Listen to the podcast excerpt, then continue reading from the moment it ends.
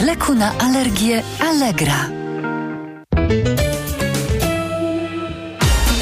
Sponsorem alertu smogowego jest firma Kostrzewa. Producent kotłów na pelet do programu Czyste Powietrze. Teraz sprawdzam jeszcze smogową mapę Polski. Dziś najlepiej jest na południu, tam dobra, a na krańcach południowych bardzo dobra jakość powietrza. Nieco bardziej przekroczone normy są na północnym wschodzie, w okolicach Białego Stoku i Olsztyna. Tam jakość powietrza jest określana jako umiarkowana. Sponsorem alertu smogowego jest firma Kostrzewa. Producent kotłów na pelet do programu Czyste Powietrze. Radio TOK FM. Pierwsze radio informacyjne. Wywiad polityczny.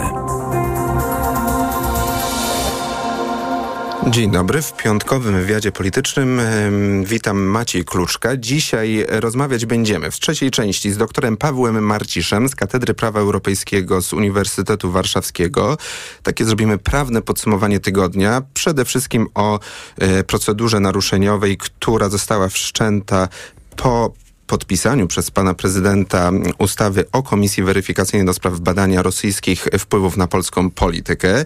Za 20 minut prezydent Poznania Jacek Jaśkowiak. Porozmawiamy m.in. o marszu, a bardziej o wiecu y, opozycji, który odbędzie się dokładnie za tydzień w tym mieście. A teraz sekretarz stanu w Kancelarii Prezydenta, ale nie prezydenta Poznania, a prezydenta Polski, pani minister Małgorzata Paprocka. Dzień dobry, witam w studiu. Dzień dobry panie redaktorze, dzień dobry państwu. Pani minister, czy prezydent decydując się na podpis, podpis pod ustawą, generalnie e, pod każdą, musi brać pod uwagę oczywiście przede wszystkim kwestie prawne, czyli zbadać, jakie skutki prawne wywoła ustawa, ale też brać pod uwagę musi skutki społeczne i międzynarodowe. Czy się nie mylę? Czy tak jest? Czy to są główne komponenty de decyzji prezydenta? Tak, bierze pod uwagę również skutki finansowe, ale również cel, który danemu rozwiązaniu e, przyświeca. I prawda jest taka, że prezydenci po prostu ważą przeróżne racje, które przy danej, przy danej ustawie e, się pojawiają. Od meritum po to, jak była ustawa procedowana, po to, jaki oczywiście jest odbiór społeczny. I tu konstytucja daje panu prezydentowi, czy prezydentowi RP, w tym momencie panu prezydentowi, e, cztery możliwe e, Czyli rozwiązania. podpis, weto albo Trybunał Konstytucyjny w dwóch wersjach. Tak, prewencja albo kontrola Ja następcza. oczywiście e, piję do e, decyzji o Lex Tusk, zwanej potocznie, czyli ustawie o e, Komisji Weryfikacyjnej badającej wpływy rosyjskie na polską politykę, bo pani minister, wydaje się, że wszystkie te skutki e, są opłakane, jeśli chodzi o tę ustawę, bo według konstytucjonalistów łamie wiele zasad e, państwa prawa, zasad konstytucji. E, Bardzo duży jest zły odbiór społeczny, który było widać pewnie też na marszu 4 czerwca i wywołało duże zamieszanie ta ustawa i ten podpis na arenie międzynarodowej, szczególnie w naszym sojuszu, w naszych relacjach ze Stanami Zjednoczonymi. Więc generalne pytanie brzmi, po co to było? Tutaj myślę, że jest kwestia właśnie celu ustawy i tego, czemu komisja ma służyć. To nie jest jedyna taka komisja działająca dzisiaj na świecie. I to, I to, że wpływy rosyjskie w przeróżnych państwach były, to myślę, że dzisiaj nikogo nie, nikogo nie już nie, ani nie, nie, nie zaskakuje i, i jest to jednak wiedza e, powszechna. Więc pytanie było właśnie takie, czy pan prezydent, odwracając to, może w tej sytuacji politycznej, której jesteśmy e, i w tej sytuacji, jaką mamy za granicą, czyli brutalnej agresji Rosji na Ukrainę, takiej ustawy nie podpisać i zablokować możliwość zbadania wpływów Ale tu rosyjskich. nie chodzi o samo badanie, tylko o sposób badania. Panie redaktorze, no ale to jest kwestia pewnej dyskusji i pewnego jej oceny przyszłego działania komisji. E, zwolennicy powiedzą, e, Sejm wybiera, jak wiele innych organów. Pan prezydent podpisując ustawę apelował o to, e, aby komisja działała w sposób odpowiedzialny, aby parlament wybrał tam osoby, które mają stosowną wiedzę, stosowne doświadczenie, aby tę No, pracę ale dobrze, taką dobrze ustawę, poprowadzić. według której do komisji mogą wchodzić politycy, a 5-4 dni później stwierdził, że politycy to zły pomysł, złożył nowelizację, żeby to byli eksperci, ale większość sejmowa może zrobić sobie teraz co chce i na redaktorze, prezydencką nowelizację w ogóle się nie oglądać. I Panie- trochę do tego zmierza, tak już w ogóle Panie, powiem. panie redaktorze, to jest trochę kwestia, kwestia wtórna, bo jak patrzymy na dyskusję na temat, y, na są. temat, na temat komisji, to kilka miesięcy temu y, była ogromna, y, ogromna dyskusja i również postulaty ze strony opozycji, aby była to komisja śledcza, czyli komisja w 100% złoż, złożona y, z parlamentarzystów. Ale opisana w Konstytucji z uprawnieniami ściśle określonymi i taka, która nie może skazywać czy zakazywać pełnienia funkcji publicznych przez 10 lat. To jest kolosalna różnica. Tak, panie redaktorze, tylko tą, idąc tą e, narracją, to e, właściwie żadnego organu poza tymi opisanymi w Konstytucji nie dałoby się powołać, a to jest sprzeczność wewnętrzna. To znaczy ustawodawca ma prawo kreować nowe organy, w tym organy administracji, Mhm. ma tutaj daleko idącą, e, daleko idącą e, swobodę. No tą metodą to byśmy za chwilę mogli uznać, że prokuratura jest nie, działa niezgodnie z prawem, bo jej nie ma w Konstytucji. To oczywiście żartobliwa jest, No tak, żartobliwa ale jest wiemy, że tak? y, pozbawienia praw obywatelskich takich jak y, możliwość biernego prawa wyborczego, czyli bycia Ale ta komisja wybieranym, tego nie robi. No może pozbawiać prawa do pełnienia funkcji publicznej, które, y, które tyczą się rozporządzania mieniem publicznym. Tak, ale to jest, m, zakładam, ponieważ e, no, mogę tylko domniemywać, że jest to rozwiązanie wzorowane na tak zwanej Głównej Komisji orzekającej w sprawach o naruszenie dyscypliny finansów publicznych, gdzie jest dokładnie adekwatne... Mhm. No i czy tam ta adekwatne... komisja nie powinna tego robić, a No nie, nie, ale tutaj ma, no nie, nie, ale to jest, panie, panie redaktor, no nie, no tamta bada sposób dysponowania środkami publicznymi. Mhm. Tutaj celem tej komisji jest e, zbadanie w latach określonych w ustawie, czyli 2007-2022, czy osoby, które podejmowały, mam wrażenie, że to trochę w ogóle schodzi z pola e, dyskusji, o, jakich, o jak poważnej materii my mówimy.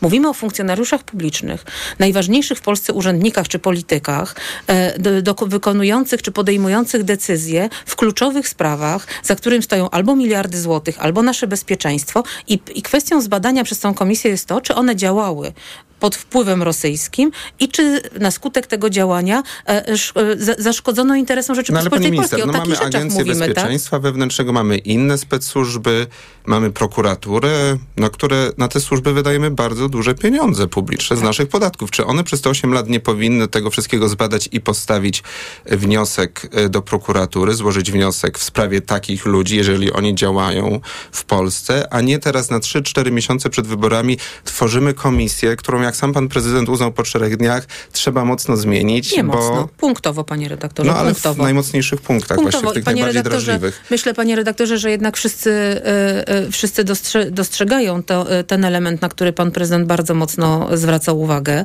że jednak jest tutaj spójność pomiędzy wnioskiem następczym zapowiedzianym w poniedziałek, a, a, inicjatywą, a inicjatywą piątkową. To są te same wątpliwości, które są, e, ale to jednak jest przede wszystkim takie bardzo mocne, sprawdzam, polityczne. No, ale przyzna Bo jeżeli minister, kwestionujemy że- pewne mhm. takie formalne, formalne aspekty działania tej komisji e, i one w założeniu mogą zostać bardzo szybko przez parlament zmienione i to jest główna różnica wobec postępowania przed Trybunałem Mogą, nie Konstytucyjnym. muszą, bo PiS się jakoś Mogą? nie kwapi. Na Panie redaktorze, no teraz sejmowy. gospodarzem postępowania Mhm. oczywiście teraz jest parlament. Tego, nikt, tego nikt nie ukrywa. wakacje, Nie, nie, jeszcze są trzy posiedzenia sejmowe. Zobaczymy, czy to Jeszcze się- są trzy posiedzenia sejmowe, A, a tak? pamięta pani minister, co PiS zrobił z prezydenckim projektem e, w sprawie łagodzenia skutków wyroku Trybunału, Trybunału Konstytucyjnego w sprawie aborcji. Te wady letalne tam miały wejść do możliwości się- przekonywania, nie odbyło się przeprowadzania pierwsze, aborcji. Nie odbyło się pierwsze czytanie. No to nic się wiem, bo dalej jestem, nie stało. Jestem w tej sprawie przedstawicielem, więc dokładnie wiem. duże, uzasadnione ym, prognozy, że tak się stanie też wobec tej nowelizacji. Panie redaktorze, powiem szczerze, nie, nie mam takie, y, takiej wiedzy, ponieważ został ten projekt złożony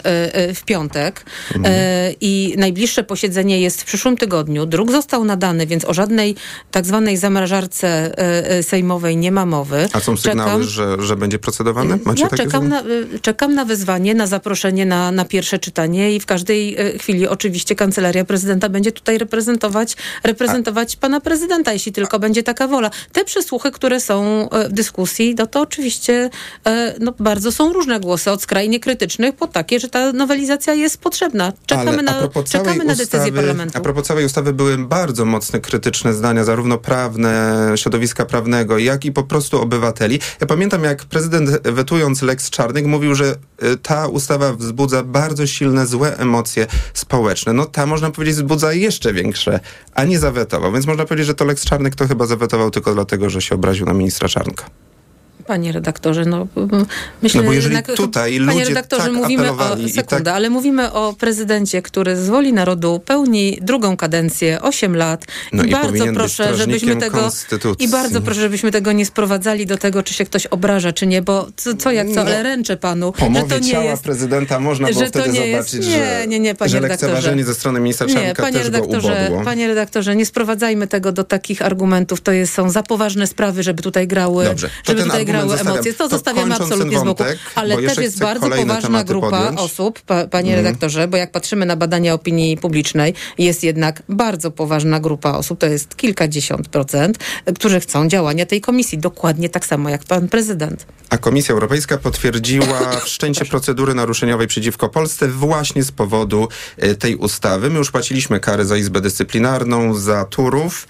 Czy przez podpis prezydenta będziemy płacić też następne kary? Szkoda, że Komisja Europejska nie uważa za słuszne powołania komisji dotyczącej wpływów rosyjskich na poziomie europejskim. Pan prezydent mówił o tym w poniedziałek, podpisując taką ustawę, patrząc na to, jak się, no to, jak się rozwijały... mieli polityczne wpływy, może silniejszą pozycję w Unii, to by taka komisja z, naszego, z naszej inicjatywy powstała, a tak będziemy mogli mieć kolejny proces panie, pro, przed e, Panie redaktorze, myślę, że problem z samooczyszczeniem e, e, instytucji unijnych po słynnej, po słynnej sprawie korupcyjnej, która się nie w żaden sposób nie, nie doszło do jej oceny przez same zainteresowane organa, dopiero przez prokuraturę, to myślę, że tutaj jednak to jest kwestia dużo poważniejszych problemów.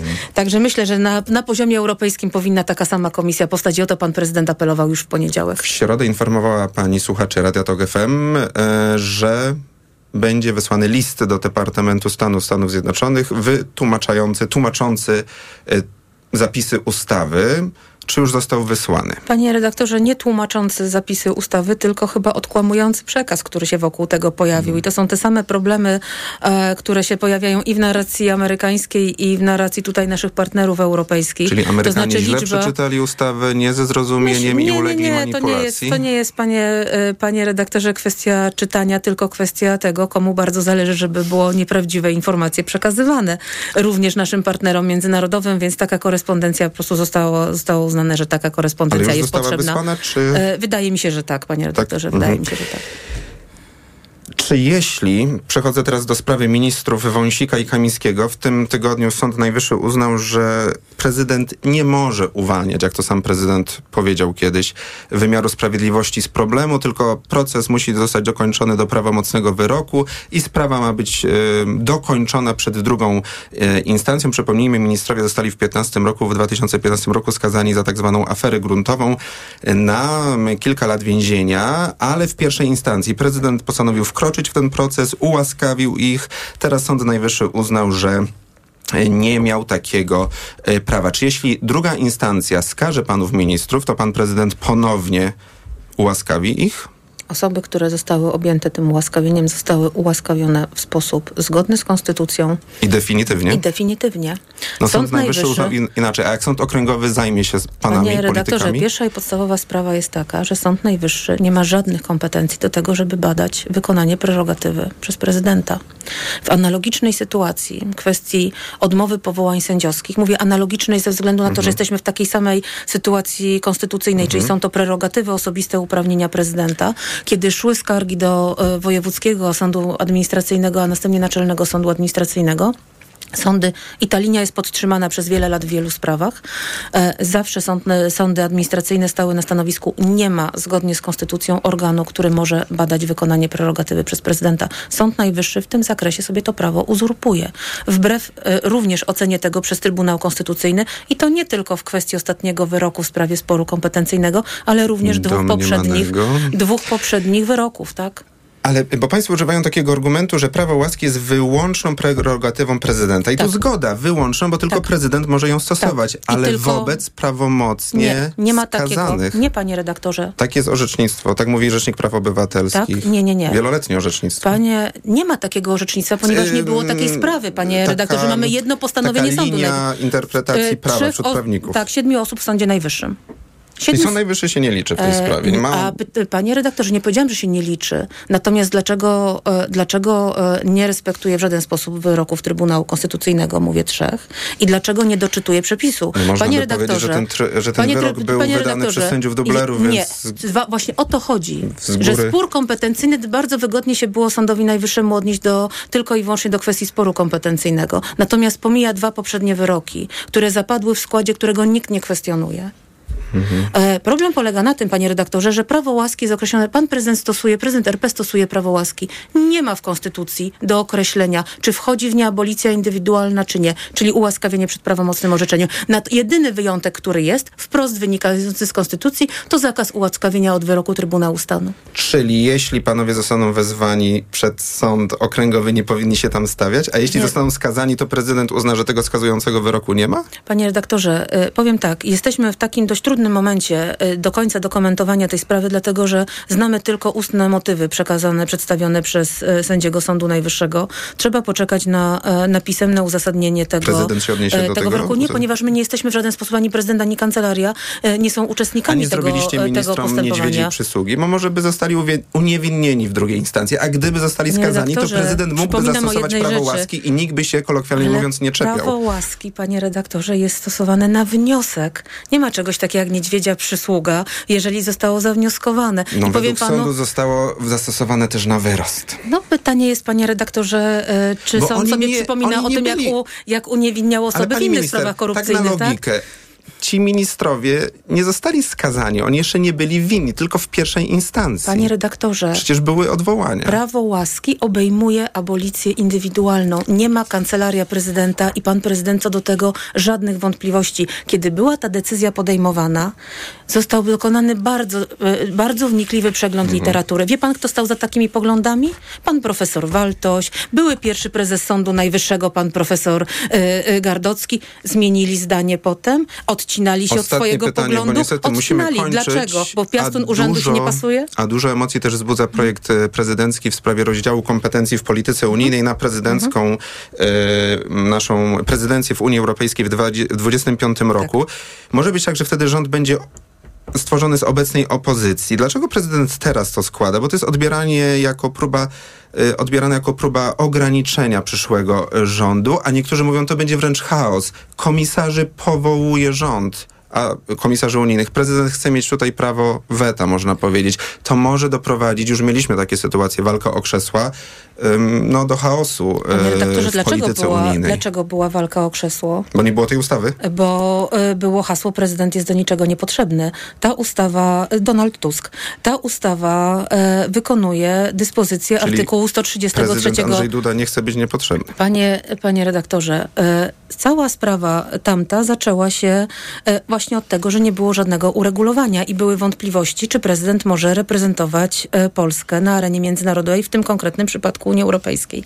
Pan prezydent, ogłaszając tę inicjatywę 1 maja, w towarzystwie pana premiera Morawieckiego przecież, e, mówi o tym, jest konieczność doprecyzowania tych kwestii w związku Czyli z... przez 8 lat związku, związku PiSu nie było Panie redaktorze, ale bardzo teraz... proszę, jestem u pana redaktora pierwszy raz, niech rzecz mi pan do, do, pozwoli skończyć zdanie. Dlatego, że już kończymy audycję. No to dlatego... bardzo jest mi przykro, że na ten no temat też, rozmawiamy. Panie redaktorze, jest konieczność uregulowania e, tych kwestii, jest to wykonanie e, obowiązku konstytucyjnego współpracy między prezydentem, Radą Ministrów, Ministrem Spraw Zagranicznych Sprawach Ostatnie e, pytanie, bo już mi urwą głowę. Nie obawia się pani minister jako bliska współpracowniczka Andrzeja Dudy, że to ostatnia decyzja w sprawie komisji weryfikacyjnej nadszarpnęła już kompletnie wizerunek prezydenta, mozolnie odbudowywany przez aktywność prezydenta międzynarodową w czasie wojny w Ukrainie, ale wcześniej już tak nadszarpniętą przez decyzję w sprawie Trybunału, KRS-u, że po prostu teraz prezydent już międzynarodowo się nie będzie liczyć. Poproszę o 10 sekund. Panie redaktorze, odpowiedzi. jeżeli są decyzje zgodne z wolą opozycji, to jest chwalone. Jeżeli są decyzje e, inne, to jest ganiony.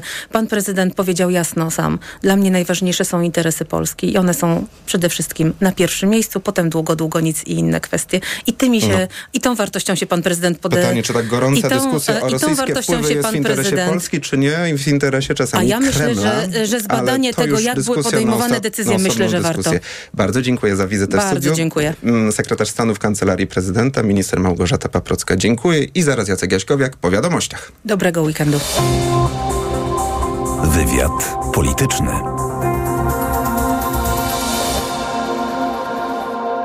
Autopromocja.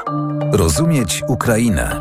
Nowy podcast Fundacji Tok FM i Fundacji Batorego. Zapraszają Agnieszka Lichnerowicz i Edwin Bendyk. Prowadzone w czasie wojny badania odsłaniają, jak dramatycznie, a czasem zaskakująco zmienia się ukraińskie społeczeństwo, tak jak i państwo czy gospodarka. Będziemy więc przedzierać się przez mgłę wojny, stereotypy, powierzchowne przekonania czy własne fantazje, by naprawdę i lepiej rozumieć naszego sąsiada. Rozumieć Ukrainę. Słuchaj na tokefm.pl ukośnik Ukraina lub w aplikacji mobilnej. Tok FM. Autopromocja. Reklama. Dziś w Wyborczej i na wyborcza.pl poradnik wakacyjny Last Minute. Gdzie jeszcze znajdziesz wolne miejsca w przystępnej cenie? Ile zapłacisz za wycieczkę do Bułgarii, a ile za pobyt w hotelu nad morzem? Poradnik wakacyjny Last Minute. Dziś w Wyborczej i na wyborcza.pl. Reklama. Radio TOK FM. Pierwsze radio informacyjne. Informacje TOK FM. Minęła 17.22. Arkadiusz Urubanek, zapraszam. Nie żyje Barbara Borys Damięcka, reżyserka teatralna i telewizyjna, od 2007 roku również senatorka. O jej śmierci poinformował szef klubu Koalicji Obywatelskiej Borys Budka. Postać nietuzinkowa, oddana kulturze i drugiemu człowiekowi. Cześć jej pamięci, napisał szef klubu KO na Twitterze. Barbara Borys Damięcka miała 85 lat. MSZ Islandii zawiadomiło o zawieszeniu działalności swojej ambasady w Moskwie. Jak poinformowały władze w Reykjaviku, kontakty polityczne, handlowe i kulturalne Islandii z Rosją znalazły się obecnie na najniższym poziomie w historii. Placówka będzie funkcjonowała w dotychczasowej formie do końca lipca. Działalność misji dyplomatycznej zostanie wznowiona, gdy nastąpią ku temu sprzyjające okoliczności, czytamy w komunikacie. Dym z nad Kanady, która zmaga się z ogromnymi pożarami, wykryto nad Norwegią, informują tamtejsze służby. Jak jednocześnie zapewniają, przynajmniej na razie dym występuje tam w ilościach, które nie zagrażają życiu i zdrowiu ludzi ani zwierząt. Problem ma natomiast m.in. Nowy Jork, gdzie unosi się gęsty smog, a normy pyłów zawieszonych są tam przekroczone o kilkaset procent. Kolejne informacje w TOK FM o 17.40. Teraz jeszcze prognoza pogody.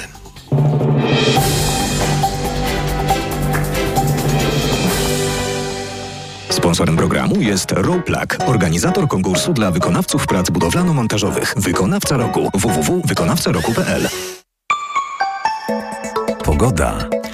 Burze dziś na południu kraju, ale zagrzmi i mocniej popada również na Pomorzu. W nocy w dużej części Polski będzie deszczowo, a na termometrach do 15 stopni. Jutro natomiast od 21 do 29 stopni. W regionach południowych sobota znów z burzami i deszczem. Sponsorem programu był Roplak, organizator konkursu dla wykonawców prac budowlano-montażowych. Wykonawca roku www.wykonawcaroku.pl Radio TOK FM. Pierwsze radio informacyjne. Wywiad polityczny. Druga część wywiadu politycznego. Warszawa łączy się z Poznaniem i witamy w naszym poznańskim studiu prezydenta stolicy Wielkopolski Jacka Jaśkowiaka. Dzień dobry, panie prezydencie. Dzień dobry panu, dzień dobry państwu. Za tydzień w Poznaniu wiec Koalicji Obywatelskiej. Myślę, że niektórych zaskoczył Donald Tusk, że już po 4 czerwca organizuje kolejny wiec, ale najwidoczniej chce podtrzymać tę emocję i tę energię społeczną, obywatelską i polityczną. E, panie prezydencie, na Placu Wolności to ma być e, za tydzień w piątek o 18. Ile ludzi może się zmieścić na tym placu? No sądzę, że z 5-6 tysięcy, no ale tak jak... Czyli pół miliona nie będzie. Że...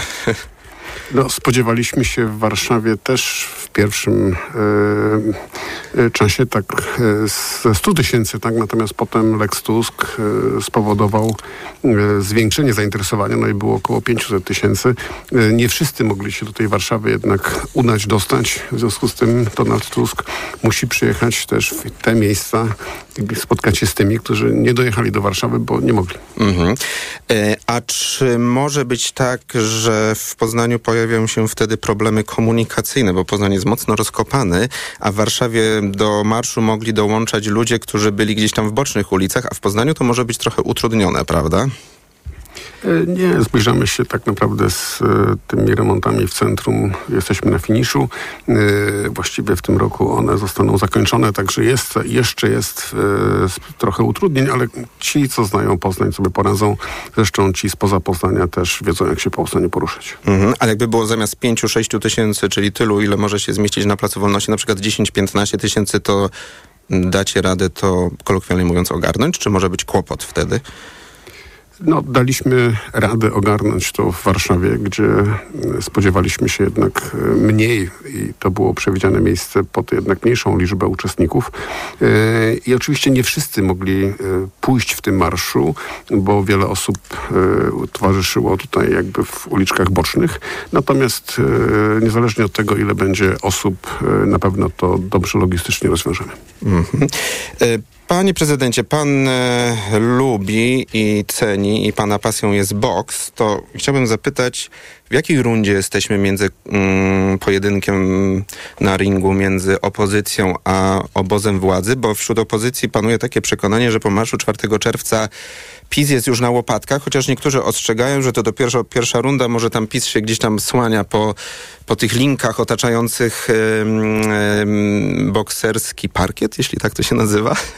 E, boks. E, a jak według pana jest? Czy PiS, o no właśnie, ring. Czy PiS może się jeszcze mocno podnieść, bo może już go tam e, cucą, może już media publiczne wchodzą w kolejną fazę kampanii, media rządowe tak naprawdę, może są już inne pomysły jaką radę sportowo-polityczną dałby pan kolegom z Koalicji Obywatelskiej? Na jakim etapie są i na co muszą się przygotować? W boksie należy być czujnym przez 12 rund yy, i zawsze to się może skończyć nokautem. Yy, no, na pewno Pisy zaliczył w tej chwili yy, dwa mocne knockdowny. Tak? Dwa razy poleciał na dyski, bo pierwszy raz to, gdy zobaczył skalę tego marszu i poziom już takiej irytacji społeczeństwa, jednocześnie też zjednoczenia opozycji, bo szliśmy w tym marszu razem, to było też widoczne. A drugi taki mocny knockdown, kiedy drugi raz poleciał na dyski, no to jest jest e, po tych mm, decyzjach Sądu e, Najwyższego. No to jest sytuacja, w której e, minister spraw wewnętrznych wraca na ławę oskarżonych, tak? I to jest kompromitacja tak naprawdę i prezydenta. Tutaj nie zgadzam się absolutnie z przedmówczynią e, i e, kompromitacja tych urzędników. Tak? A no myśli pan, że to też będzie oddziaływało na, na wyborców, że zobaczą, że w ławach rządowych są ludzie, którzy mają proces karny, czy to uznają, że to jednak jest jakaś tam polityka odległa i nie zauważą no, po tego? Po pierwsze tak, jeżeli e, zaczną majstrować przy w tej chwili decyzji sądu okręgowego i będą próbowali na tych sędziów wpływać, będą próbowali e, w tym wszystkim jakimś e, dokonywać manipulacji i działań bezprawnych, no to będą za to rozliczeni, tak? I teraz mają do wyboru dwa wyjścia, tak? Albo ci panowie wracają na ławę oskarżonych e, i mają problem wizerunkowy, mogą oczywiście dokonać zmian w rządzie, e, albo w tym zakresie majstrują i z tego będą rozliczeni, tak? Bo za te wszystkie przestępstwa przestępstwo, łamanie konstytucji, e, to te osoby, które e, takie przestępstwa popełniły, no, będą odpowiadały. Mhm. Wracając jeszcze do marszu, który dokładnie za tydzień, będą też zaproszone inne partie, Lewica, Hołownia, PSL, czy na razie to jest tylko marsz, nie marsz, tylko wiec e, Koalicji Obywatelskiej? To jest przede wszystkim spotkanie z liderem opozycji. Mm. Ja już mówiłem na, na marszu, także e, takim liderem e, w 1989 roku w tych pierwszych wyborach e, kontraktowych do zwycięstwa przez knockout poprowadził nas Lech Wałęsa, ale nie był sam, bo towarzyszyli mu e, i Mazowiecki, i Kuroń, i Frasyniuk, i wiele innych mądrych ludzi, pan Geremek. Natomiast dzisiaj Donaldowi towarzyszą liderzy opozycji, bo przecież był też i Adam Szłapka, i i, i Basia Nowacka i te formacje, które, y, których oni są szefami, ale też byli samorządowcy, bo był i Rafał Trzaskowski, i Ola Dulkiewicz, tak, ale y, w marszu uczestniczyli również Jacek Sutryk, właściwie wszyscy y, samorządowcy. Czyli lider jest jeden, ale potrzebuje wielu dobrych współpracowników, równie silnych, tak? Znaczy może nie tak to jak trzeba on, go wspierać. Ale... No właśnie. Trzeba go wspierać nie... i siłą rzeki jest to, gdy te poszczególne potoki tak naprawdę dołączają. I tak jak cieszę się również z tej decyzji Szymona Hołowni i y, Kośniaka-Kamysza, że oni też do tego marszu dołączyli. A nie tak? obawia bo, się pan, bo, że Bo, bo oni... droga jest jedna do zwycięstwa. Mhm. Ale że oni wspierając tak Tuska mogą potem mieć niższe notowania w sondażach, co już trochę widać w sondażu najnowszym dla TVN, że po prostu Ale to nie dlatego, że wspierają, to nie dlatego, to nie dlatego, że wspierają Tuska, to dlatego, że w tym zakresie społeczeństwo oczekuje jednej listy. Wszyscy wiedzą, jakie są skutki metody Donta. I teraz albo mamy, widzimy polską rację stanu i nie godzimy się z e, rządem e, PiSu i tym, co ten rząd wyczynia, wyczynia i co, co wyczynia Jarosław Kaczyński. I w tym zakresie idziemy po zwycięstwo z e, silnym liderem. E, albo w tym momencie próbujemy no, negocjować warunki, na których udzielimy wsparcia. No tak nie może po prostu być. Myśli pan, E, że i Dzisiaj ostatecznie, łączymy siły. ostatecznie Hołownia i Kosiniak zdecydują się na jedną listę, czy powiedzą do końca nie?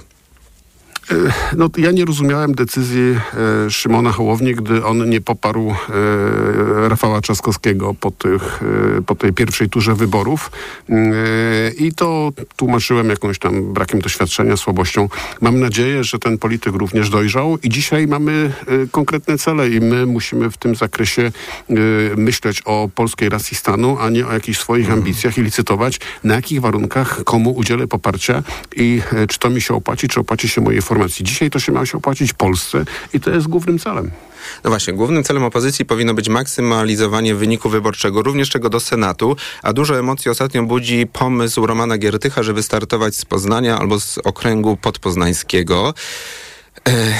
Jak pan prezydent myśli, powinien wymuszać na koalicji obywatelskiej, na pakcie senackim tę decyzję, bo mało kto się kwapi do tego, żeby go na, właśnie na to miejsce w Poznaniu i chyba też poznaniacy nie za bardzo kwapią się do tego, żeby na niego zagłosować, a w tym okręgu bardzo popularna i wiele razy wybierana z dobrym wynikiem była senator Rotnicka. E, To po pierwsze Poznań jest najbardziej liberalnym miastem w Polsce, ale powiat poznański też jest bardzo liberalny.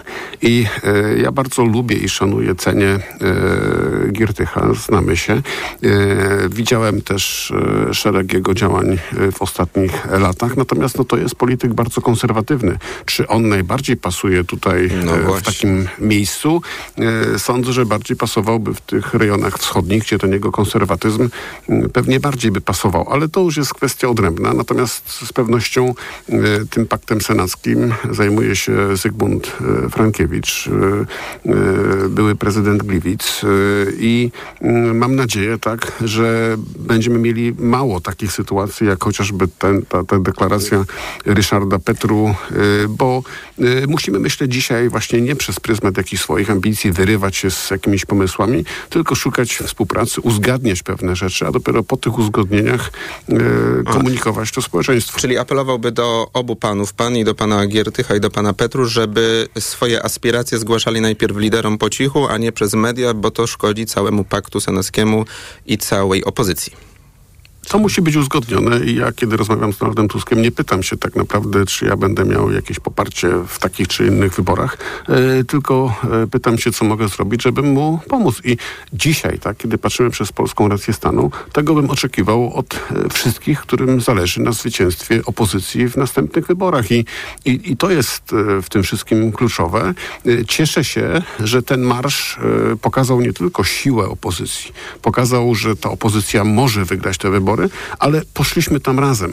I nawet jeżeli są jakieś jeszcze drobne tarcia, to ja jestem przekonany, że do zwycięstwa prowadzi jedna droga, wtedy, gdy idziemy razem i tego oczekuje od nas społeczeństwo. Panie prezydencie, mam ostatnie dwie minuty, ale muszę zapytać o sprawy typowo poznańskie, bo gdy ogłosiliśmy, że będzie pan moim gościem i gościem Radia Tok FM, naprawdę posypało się wiele maili, wiele informacji na Facebooku, o co mam pana zapytać i pewnie reportersko tym się zajmiemy, ale najpierw chciałbym zapytać o to, że są bardzo duże emocje wobec tego, że jak czytam od społeczników z Poznania, nie uwzględnił pan prezydent kilku tysięcy uwag, które do projektu nowego studium dla miasta Poznania wysłali poznaniacy do Miejskiej Pracowni Urbanistycznej. Wszyscy są rozżaleni, no, że nie tak powinna wyglądać, wyglądać rządzenie miastem przez Platformę Obywatelską, która właśnie obywatelskość ma w nazwie. Co się stało z tym studium? Dlaczego pan wszystkie te uwagi, właśnie kilka tysięcy, wyrzucił do kosza? Ale to nie jest wyrzucanie kilku tysięcy uwag, bo to są rozmowy, które trwają tak naprawdę od e, wielu miesięcy. E, zdarza się, że są e, różne pomysły na różne elementy i w zakresie studium po pierwsze jeszcze nie było decyzji Rady Miasta, bo to Rada Miasta będzie decydowała o tym, jak będzie wyglądało Ale to ponoć studium. wszystkich ma pan To pod jest- swoim to jest- palcem. Nie, Tak to, jest, piszą. to jest wiele lat pracy tak naprawdę bardzo wielu osób. To są również konsultacje i e, przecież też możliwe jest, że nie wiem, ta sama jedna osoba zgłosi 300 uwag. Tak? I no, w tym zakresie staramy się być w tym wszystkim pragmatyczni. Mhm. Bo tylko Na słuchaczom- pewno wsłuchujemy się w głos mieszkańców. I tutaj Mhm. e, w tym zakresie e, tego nam nie można zarzucić. I z jednej strony, tak, e, ja słyszę o uciążliwości remontów, ale z drugiej strony, gdy patrzę na przykład na jakąś Radę Osiedla Jeżyce, e, to są tam postulaty takich, a nie innych kolejnych inwestycji. I w tym zakresie Chociaż to tutaj, panie prezydencie, ważyć. od tych słuchaczy z Poznania mam informację, że po prostu obawiają się o tereny zielone, zielone tak zwanych rodów, które będą oddawane pod e, inwestycje deweloperskie. Że będzie mniej Nie, tak, zieleni w absolu- Poznaniu. nie abso- absolutnie nie jest. Mamy 800 hektarów e, ogródków działkowych i przewidujemy do relokacji 70 hektarów. To są głównie pod e, system drogowy, pod instytucje Mhm. Musimy publiczne. kończyć. Mamy również, mamy również, panie redaktorze, wiele głosów e, osób, które chciałyby otwarcia ogródków działkowych Mhm. i zamiany na parki. Także te, te racje trzeba ważyć. A po długim weekendzie w poniedziałek po południu jest spotkanie, ale ponoć nie ma tam być udziału mieszkańców i dziennikarzy. Czy to się da zmienić, żeby ten e, czynnik społeczny mógł brać udział w tych konsultacjach? E, Ale proszę Państwa, my się naprawdę regularnie spotykamy. Ja się spotykam A czy na tym spotkaniu z w wszystkimi radami, da? radami osiedli. Ja nie mam takiego spotkania, w związku z tym e, nie wiem, o jakim spotkaniu pan redaktor teraz mówi. Nieformalne spotkanie z prezesami wszystkich poznańskich rodów. Na ten temat prezydent Jaśkowiak chce właśnie rozmawiać w poniedziałek. Taką mam tu informację. E, nie, No mam ja nadzieję, że to państwo się nie spotykam z prezesem doprecyzują. Śliwą, natomiast e, rozmawiamy z działkowcami i co więcej, tak, w zakresie tej relokacji, bo nie mówimy o likwidacji, tylko relokacji pewnych ogródków działkowych, my to również uzgadniamy z, ze środowiskiem działkowców. Także Oby- to wszystko jest, proszę mi wierzyć, Oby wszystko się udało. Tego życzymy mieszkańcom Poznania, bo jak wiemy, przy tym, e, przy tym kryzysie klimatycznym zieleń jest bardzo ważna. Panie prezydencie, bardzo Ale dziękuję. terenów zielonych Poznań. przybywa w Poznaniu. Oby. Do usłyszenia. Do usłyszenia. Wywiad polityczny.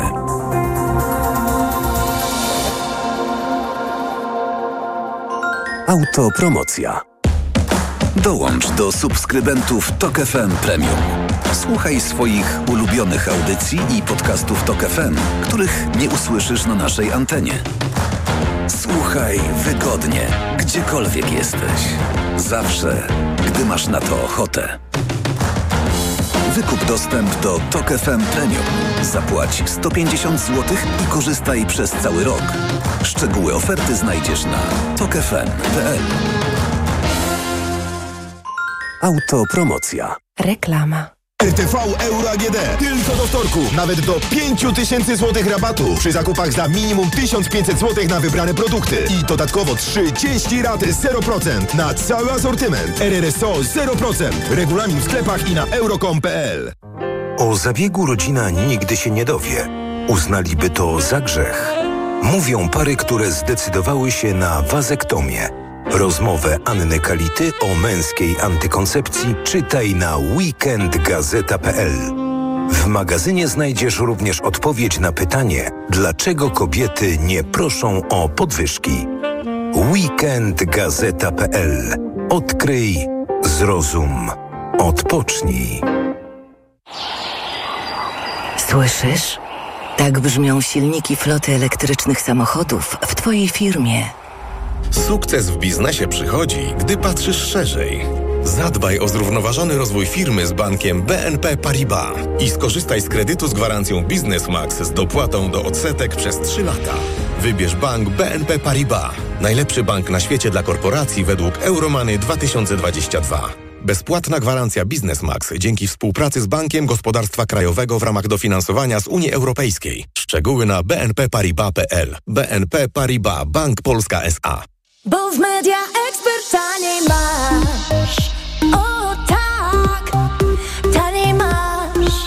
Kupuj taniej w Media Expert. Na przykład energooszczędna zmywarka Samsung, automatyczne otwieranie. Najniższa cena z ostatnich 30 dni przed obniżką 2349 zł 99 groszy. Teraz za jedyne 1699 z kodem rabatowym taniej o 650 zł. Bo w Media Expert taniej masz. Słyszysz? Tak szumi las w pobliżu Twojej firmy.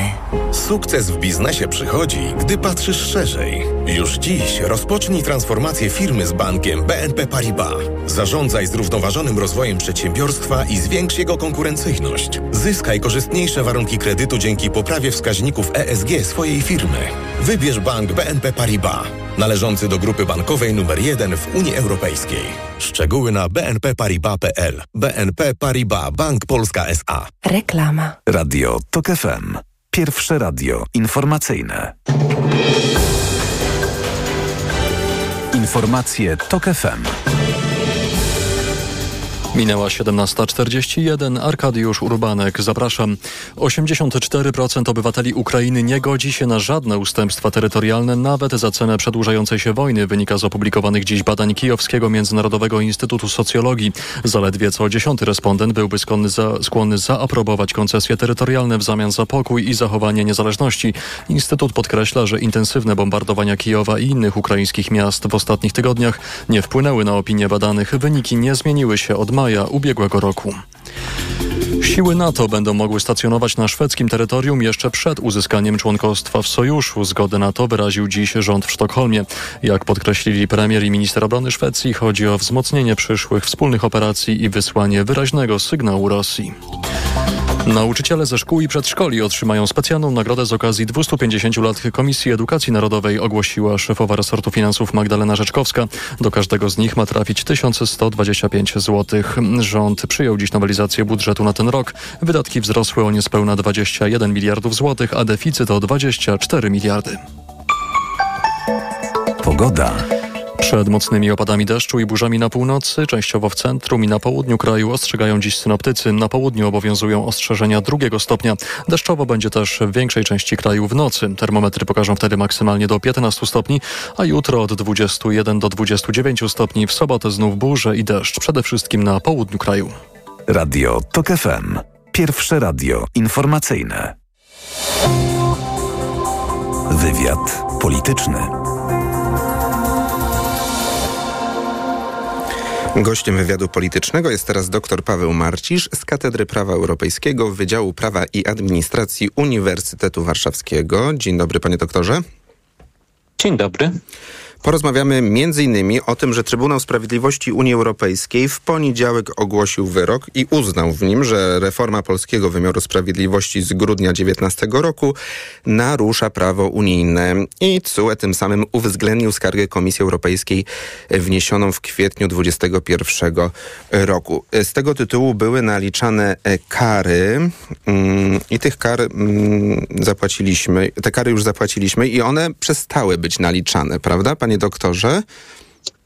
Tak, z chwilą, bo to były kary naliczane za to, że nie wykonaliśmy postanowień tymczasowych. To znaczy Trybunał Sprawiedliwości na czas trwania sporu, na czas trwania procesu nakazał nam wstrzymanie stosowania przepisów, które prawdopodobnie jeszcze wtedy były niezgodne z prawem Unii Europejskiej. Myśmy nie wstrzymali stosowania tych przepisów, dopiero na końcu roz, rozwiązaliśmy Izbę Dyscyplinarną i w tym czasie za, za, za odmowę wykonania orzeczenia Trybunału o mm, środkach tymczasowych naliczono nam te kary. Więc teraz skończono je naliczać, no ale nikt nam ich nie zwróci. To, co komisja potrąciła, te 2,5 miliarda złotych e, są naliczone. Tak jest. No ale można by tak e, zapytać, że skoro kary zostały już nam zabrane, wyrok zapadł, no ale rozumiem, że naruszenia unijnego prawa nie zostały. Mm, kolokwialnie mówiąc, odkręcone. Prawo nie zostało naprawione, prawda? No bo jest ta Izba Odpowiedzialności Zawodowej, e, cały czas, e, co też widzą e, sędziowie unijni, też Komisja Europejska działa tak zwana ustawa kagańcowa, która może rodzić problemy sędziom, e, którzy będą chcieli badać e, prawo polskie pod względem prawa unijnego. Więc e, kary zostały zastopowane, ale problem nadal istnieje. Zgadza się, ale mówiąc wprost, dostaniemy kolejne kary za to, że problem nadal istnieje, bo te poprzednie, które nam naliczono, były za to, że nie wykonaliśmy postanowień tymczasowych. To znaczy Trybunał zabezpieczył sytuację na czas trwania postępowania, a my powiedzieliśmy, że orzeczenia Trybunału nic nas nie obchodzą. Mhm. Czyli to były takie Dosłownie środki tak na czas procesu. Tak, a teraz dostaniemy kary za niewykonanie orzeczenia, no bo zakładam, że nie wykonamy tego orzeczenia, może jestem pesymistą, mam nadzieję, ale jeśli go nie wykonamy, no to procedura jest taka, że Komisja Europejska złoży wniosek do Trybunału Sprawiedliwości o nałożenie nam kary. Tym razem to będą kary za niewykonanie wyroku po prostu. To brzmi, jakby to miała być grubsza sprawa, poważniejsza. Czy będą też te kary wtedy większe przez to? Panie redaktorze, trudno powiedzieć, bo myśmy zapłacili 2,5 miliarda złotych, więc to jest ciężko wyobrażalna ilość pieniędzy, więc y, nie wiem, szczerze mówiąc nie wiem, bo poruszamy się poza tym po dość niepewnym terenie, na przykład te kary za niewykonanie postanowień tymczasowych, no tu jesteśmy w awangardzie. Do tej pory wszystkie państwa członkowskie wykonywały postępo- postanowienia tymczasowe, e, więc, więc trudno mi mówić, ile dokładnie będą wynosić te kary. Mam nadzieję, że, że nie będzie to jednak więcej, bo te kary do tej pory były gigantyczne. To jest ogromne obciążenie dla nas jako społeczeństwa, bo przecież wszyscy za to płacimy pośrednio. Tak, i to są najwyższe kary w historii Unii Europejskiej, jakie państwo członkowskie płaciło. Takie są wyliczenia No tak, dziennikarzy. Mhm. No bo też nikt tak arogancko, przepraszam, że to powiem, nie ignorował orzeczeń sądowych. E, My przecież stwierdziliśmy, że nasza suwerenność jest naruszana i nie będziemy wykonywać orzeczeń niezależnego sądu, na którego jurysdykcję sami się zgodziliśmy. E, No, jakby nasze zachowanie jest bezprecedensowe, dlatego te kary są tak, tak wysokie i mm, historycznie najwyższe. Mhm. A czy te mm, kolejne kary, rozumiem, że to jest osobny już proces, czy już to będzie tylko decyzja TSUE na, w sprawie tego, że rząd nie wykonuje tego orzeczenia, jeśli ym, faktycznie go nie wykona? Y, Czy to będą e, kary po prostu y, takie jak teraz, czy już będą zagrożone też te unijne fundusze, z czego to będą nam potrącać, jak to może wyglądać? Czy to też jeszcze nie było nigdy przerabiane i dopiero TSUE będzie na ten temat myśleć? Nie, to, to akurat było przerabiane, może nie, nie na tę skalę, jakie kary nam grożą, ale było i to jest tak, są dwie różne rzeczy. Po pierwsze, komisja rozpocznie przed Trybunałem Sprawiedliwości postępowanie, w którym będzie się domagała narusze, nałożenia na nas kary i to znowu prawdopodobnie będą kary dzienne mające na celu wymuszenie wykonania orzeczenia, więc dopóki nie wykonamy wyroku, e, będziemy płacić kary w wysokości określonej przez Trybunał Sprawiedliwości. I tak, tu jest osobny proces i w tym postępowaniu bada się dwie rzeczy. Po pierwsze, czy naprawdę nie wykonaliśmy orzeczenia, a po drugie, jak wysokie mają być kary. I to jest jedna rzecz. I tu możemy znowu dostać bardzo wysokie kary, natomiast generalnie możliwość zamrożenia funduszy istnieje niezależnie od tego, e, w związku z mechanizmem warunkowości, nie, wyko- nie wykonując orzeczeń Trybunału Sprawiedliwości, e, naruszając zasady praworządności państwa prawnego e, w Polsce. Po, Polska narusza wartości unijne i potencjalnie istnieje możliwość zablokowania nam wypłaty funduszy. I to jest druga rzecz, to może dotyczyć funduszy, które w tej chwili są nam wypłacane. No i jest niestety jeszcze trzeci problem, to znaczy ten krajowy plan odbudowy, który też nam zamrożono e, i to są fundusze, których nie, nie widzimy do tej pory, tak? Nie, nie, nie, nie ma ich, więc e, z jednej strony można, e, jest ryzyko zamrożenia nam funduszy, które cały czas dostajemy, e, a z drugiej Krajowy Plan Odbudowy znowu się odsuwa w czasie. I jeszcze jest jedna rzecz, to znaczy proszę pamiętać, że my tak naprawdę nie płacimy kar, które nakłada na nas Trybunał Sprawiedliwości, bo stwierdziliśmy, że nie będziemy ich płacić. No, zostawiam słuchaczom do oceny to zachowanie. A więc Komisja Europejska potrąca te kary z innych funduszy, które wypłaca nam Unia, więc, więc to jest dość skomplikowana sytuacja w tej chwili i na wielu polach no jesteśmy karani za to, że, że, że nie wykonujemy orzeczeń. Czyli możemy być y, uderzani jako obywatele przez działania polskiego rządu, można powiedzieć dwutorowo. Kary z jednej strony, potrącanie funduszy z, y, z pierwszej, a potrącanie z drugiej. Tak, albo wstrzymanie ich wypłaty w związku z naruszeniami praworządności, zgadza się. A gdyby rząd jednak zechciał stosować się do wyroków unijnych, na co zdecydowaliśmy się wchodząc do Unii Europejskiej, to co znaczyłoby wykonanie tego wyroku, żeby tego czarnego scenariusza mm, uniknąć? Czy likwidacja Izby Odpowiedzialności Zawodowej, e, usunięcie przepisów ustawy kagańcowej, czy coś jeszcze, panie doktorze? E, Na pewno usunięcie przepisów ustawy kagańcowej, na pewno usunięcie tych przepisów, które e, nakazują sędziom ujawnianie e, kwestii należących do ich życia prywatnego przez uczestnictwa w stowarzyszeniach i tak dalej. Izbą Odpowiedzialności Zawodowej jest bardziej skomplikowana sytuacja, bo musimy pamiętać, że ta skarga została wniesiona w czasach, kiedy istniała Izba Dyscyplinarna i ta skarga formalnie dotyczy Izby Dyscyplinarnej.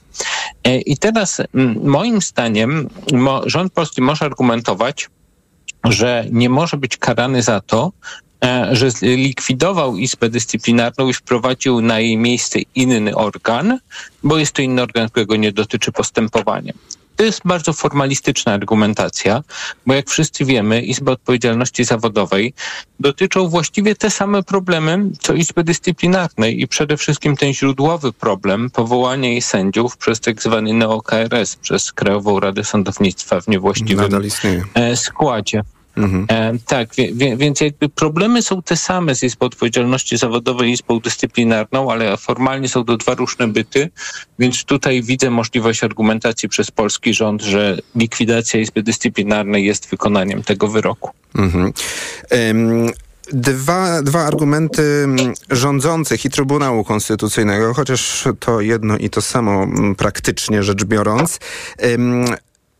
Prokuratora Krajowa po tym poniedziałkowym e, wyroku, orzeczeniu powiedziała, że e, ten wyrok TSUE jest niezgodny z traktatami Unii Europejskiej. To jest ten koronny argument ziobrystów również, e, którzy mówią, że mm, unijne traktaty szanują konstytucyjne prawa państw członkowskich do kształtowania wymiaru sprawiedliwości, że po prostu Unia, brzydko mówiąc, nie powinna się wtrącać w kształtowanie, w budowę wymiaru sprawiedliwości. Jak pan doktor się odniesie do tego?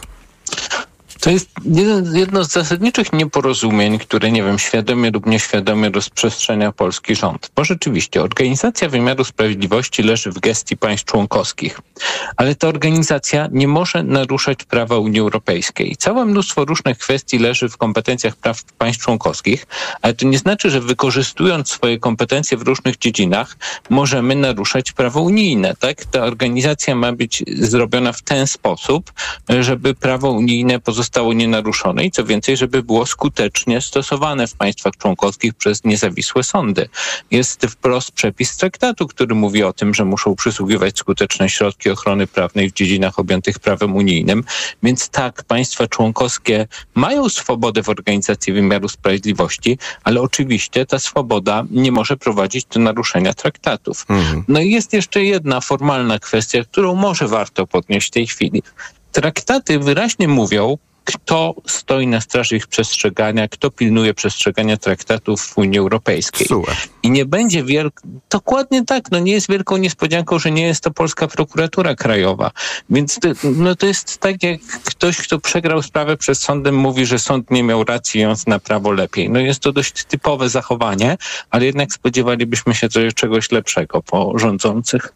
Właśnie, panie doktorze, mówiliśmy przed chwilą, że może tli się w nas jeszcze ostatnie pokłady nadziei, że rząd zdecyduje się realizować wyroki TSUE, ale praktycznie możemy mieć e, też taką prognozę, że raczej zamiast stosowania się do wyroków będziemy mieli kolejne postępowanie, bo także w tym tygodniu Komisja Europejska w ekspresowym tempie zdecydowała się na e, wszczęcie, dopiero wszczęcie, ale jednak postępowanie w sprawie uchybienia zobowiązaniom państwa członkowskiego za naruszenie prawa unijnego właśnie, czyli to ta sama historia, tym razem za komisję weryfikacyjną w sprawie rosyjskich wpływów. Czy według, co według pana tu może być głównym e, problemem Polski, polskiego rządu? Jaki przepis tej ustawy, zwanej Lex Tusk, narusza prawo unijne? Komisja ma tu dwa rodzaje argumentów, o ile wiem. Jeden jest prosty, ale dotyczy kwestii stosunkowo marginalnej, to znaczy przetwarzania danych osobowych przez komisję. E, g- Przetwarzanie danych osobowych w Unii Europejskiej reguluje rozporządzenie. Komisja nie zapewnia niezbędnych gwarancji dotyczących bezpieczeństwa danych, możliwości odwoływania się itd. itd. Nie pomyślano o tym w ogóle. To jest prosty argument techniczny. Czyli nie Ale ten komisja z też- najwyższej półki, ale równie bardzo ważny i komisja go nie, nie pominie. Tak. Mhm. Nie, i moim zdaniem to jest najprostszy argument, bo na nim po prostu prosto można wygrać tę sprawę, bo tam bardzo trudno się będzie bronić, że cokolwiek zapewniono.